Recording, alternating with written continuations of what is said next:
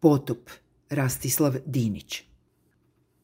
Zamislimo na trenutak da je tokom poplava 2014. postojao pokret ljudi koji smatraju da ne treba praviti bedema od džakova sa peskom i nazovimo ih po analogiji sa jednim drugim pokretom anti-džakseri – Zamislimo i da je ovaj pokret uticao na ogroman broj ljudi i to ne samo civila dobrovoljaca, već i vojnika i pripadnika sektora za vanredne operacije da se ne uključe u napore izgradnje improvizovanih bedema protiv poplava, toliko veliki broj njih zapravo da bedeme nije ni bilo moguće izgraditi na vreme.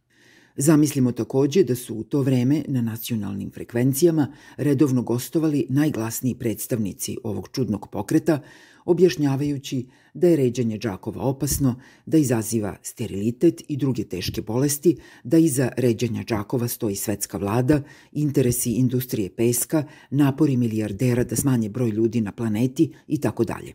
I zamislimo da, uplašeni od političke cene sukoba sa ovom brojnom, iako potpuno blesavom grupom, najviši državni zvaničnici oklevaju da učešće u izgradnji protiv poplavnih bedema učine obaveznim, čak ni za one kojima je to posao.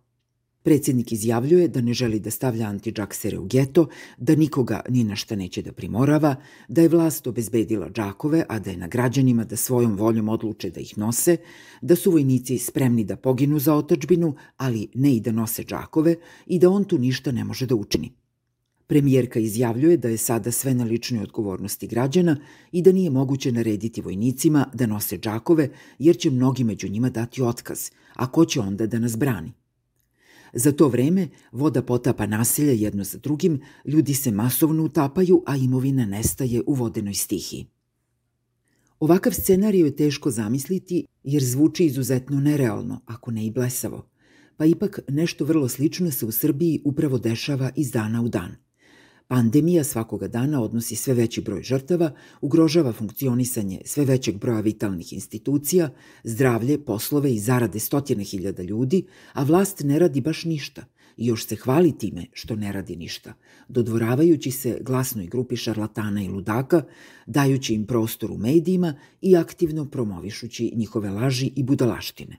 Šta se promenilo u poslednjih sedam godina? Po čemu je situacija danas toliko drugačija? Za početak, antiđakseri ne postoje, dok antivakseri nažalost postoje, i to kao rasprostranjeni globalni fenomen. Pa ipak to nije sve. Te 2014. godine Srbija je još uvek bila demokratska zemlja, dok tekuće 2021. ona to već godinama nije. Te 2014. godine još uvek je postojala nezanemarljiva opoziciona scena, a neke stranke koje su na republičkom nivou prešle u opoziciju, na mnogim drugim nivoima su još uvek bile na vlasti. U odbrani od poplava učestvovali su svi nivoji vlasti u pogođenim područjima, republički i lokalni, a na mnogim mestima i pokrajinski sastavljeni od različitih, međusobno neredko suprotstavljenih političkih subjekata – Pored toga, kao što je poznato, u svemu je učestvovao i ogroman broj građana volontera koji su se solidarno odazvali na poziv da pomognu ugroženim područjima. Danas je međutim vlast potpuno monolitna na svim nivoima, a vladajuća koalicija, ako je verovati istina nepouzdanim i režimu bliskim ispitivačima javnog mnjenja, nikada nije imala veću podršku među biračima. Poslednje ispitivanja pominju čak 58% od onih koji nameravaju da izađu na izbore. Poslednja nenaprednjačka vlast u Srbiji koja je učestvovala u odbrani od poplava, ona u Šapcu, pala je u najblaže rečeno sumnjivim okolnostima na izborima u junu prošle godine. Pa ipak vlast se danas plaši da sprovede mere za koje je savršeno jasno da se moraju sprovesti kako bi se zaštitili životi ljudi, zdravstveni sistem, obrazovanje i ekonomija. Zajednički napori poput onog iz proleća 2014. danas izgledaju nezamislivo. Umesto solidarnosti, entuzijazma i požrtvovanosti, danas imamo sebičnost, paranoju i nepoverenje. Svaki pokušaj organizovane zajedničke akcije, od nošenja maski preko sprovođenja karantina, pa sve do masovne vakcinacije, danas bi bio osuđen na propast, ako već ne bi izazvao i ozbiljne proteste i otpore. Onima koji znaju u čemu u višepartijskom sistemu služi opozicija, ovo neće biti misterija. Opozicija je tu da kanališe nezadovoljstvo poraženih u institucionalnu borbu protiv vlasti, posredujući pritom njihovo elementarno poverenje u državu i njene institucije. Fair izbori postoje ne samo zato da bi pobedio onaj koji ima najveću podršku među građanima, već da bi i poraženi prihvatili njihove rezultate. Vladavina prava postoji između ostalog i zato da bi građani imali poverenje u institucije svoje države i onda kada je na vlasti politička garnitura koju ne podržavaju ili se sa njom ne slažu oko nekih važnih pitanja. U trenucima ozbiljne krize i opasnosti po celo društvo, više partizam nije mana, već prednost. On omogućava da se relativno lako dođe do svima prihvatljivog konsenzusa oko neophodnih mera – Građani su spremni da prihvate ove mere jer im one ne izgledaju jednostrano niti arbitrarno, jer razumeju razloge zbog kojih su one uvedene, ali i zato što su one posredovane odlukama političkih predstavnika u koje imaju poverenja. Svega toga danas u Srbiji nema. Ne samo da je opozicija proterana iz parlamenta, prokazana u medijima i razdrobljena pritiscima vladajuće partije, nego je i uzurpacijom celog medijskog i društvenog prostora razvaljeno i ono što se zove građanskim društvom u najširem značenju ovoga termina. Ostale su atomizovane jedinke koje ne pripadaju ničemu i ne veruju nikome, ni stručnjacima, ni strankama, ni sindikatima, ni udruženjima, ni crkvama, ni državnim institucijama. Tragikomično je zvučalo rešenje za masovnu vakcinaciju mladih koje je na jučerašnjoj konferenciji za medije ponudila osoba koja se lažno predstavlja kao premijerka. Suočena sa činjenicom da 80% mladih u Srbiji još nije vakcinisano, ova osoba kaže da će razgovarati sa njihovom organizacijom, takozvanom krovnom organizacijom mladih Srbije. Da li ova osoba zaista veruje da nesrećni KOMS predstavlja bilo koju mladu osobu u Srbiji, da će poruka koju ova organizacija pošalje bilo kome značiti bilo šta.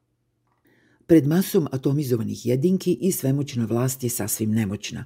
Ova masa nema predstavnike sa kojima se može dogovoriti ili ih podmititi ili im pripretiti. Promocija nesrećnog Nestorovića mogla bi se razumeti kao pokušaj da se takav predstavnik stvori. Ona nema koherentan skup uverenja, ideologiju ili program na koji je moguće pozvati se. Ona zna samo šta neće. Neće da se vakciniše, neće da prihvati neophodne mere, neće ništa što je u interesu društva i javnog zdravlja. Jako je važno razumeti kako smo došli do ovde. Nije stvar u tome da ljudi u Srbiji naprosto nisu solidarni. Kako smo videli i na primjeru poplava, ljudi su i tekako solidarni kada im se ponude odgovarajući okviri za solidarnost. Problem je što ti okviri više ne postoje. Režim je rušio sve institucije koje ne može da preuzme i uzurpira, zato da mu slučajno ne bi predstavljale prepreku na putu apsolutne konsolidacije vlasti. Urušavao je poverenje u stranke, nevladin sektor, pravosuđe, univerzitet, nauku, sve dok nije porušio i celo društvo. Nije stvar u tome da režim prosto ne želi da sprovede neophodne protiv pandemijske mere. On to zaista više nije u stanju da učini, a da se cela klijentelistička konstrukcija koju je izgradio namesto društva ne raspadne kao kula od karata.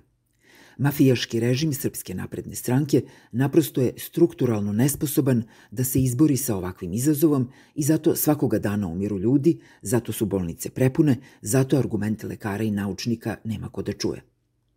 Zato nam se ovih dana i nelegitimno izabrani predsednik kukavički javlja čas iz Dubajija, čas iz Slovenije, pričajući o svemu osim onom najvažnijem, činjenici da smo usred humanitarne katastrofe.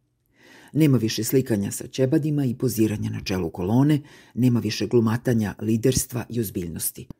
Ostali su samo nemoć i strah pred situacijom koja se više nikako ne može izmanipulisati.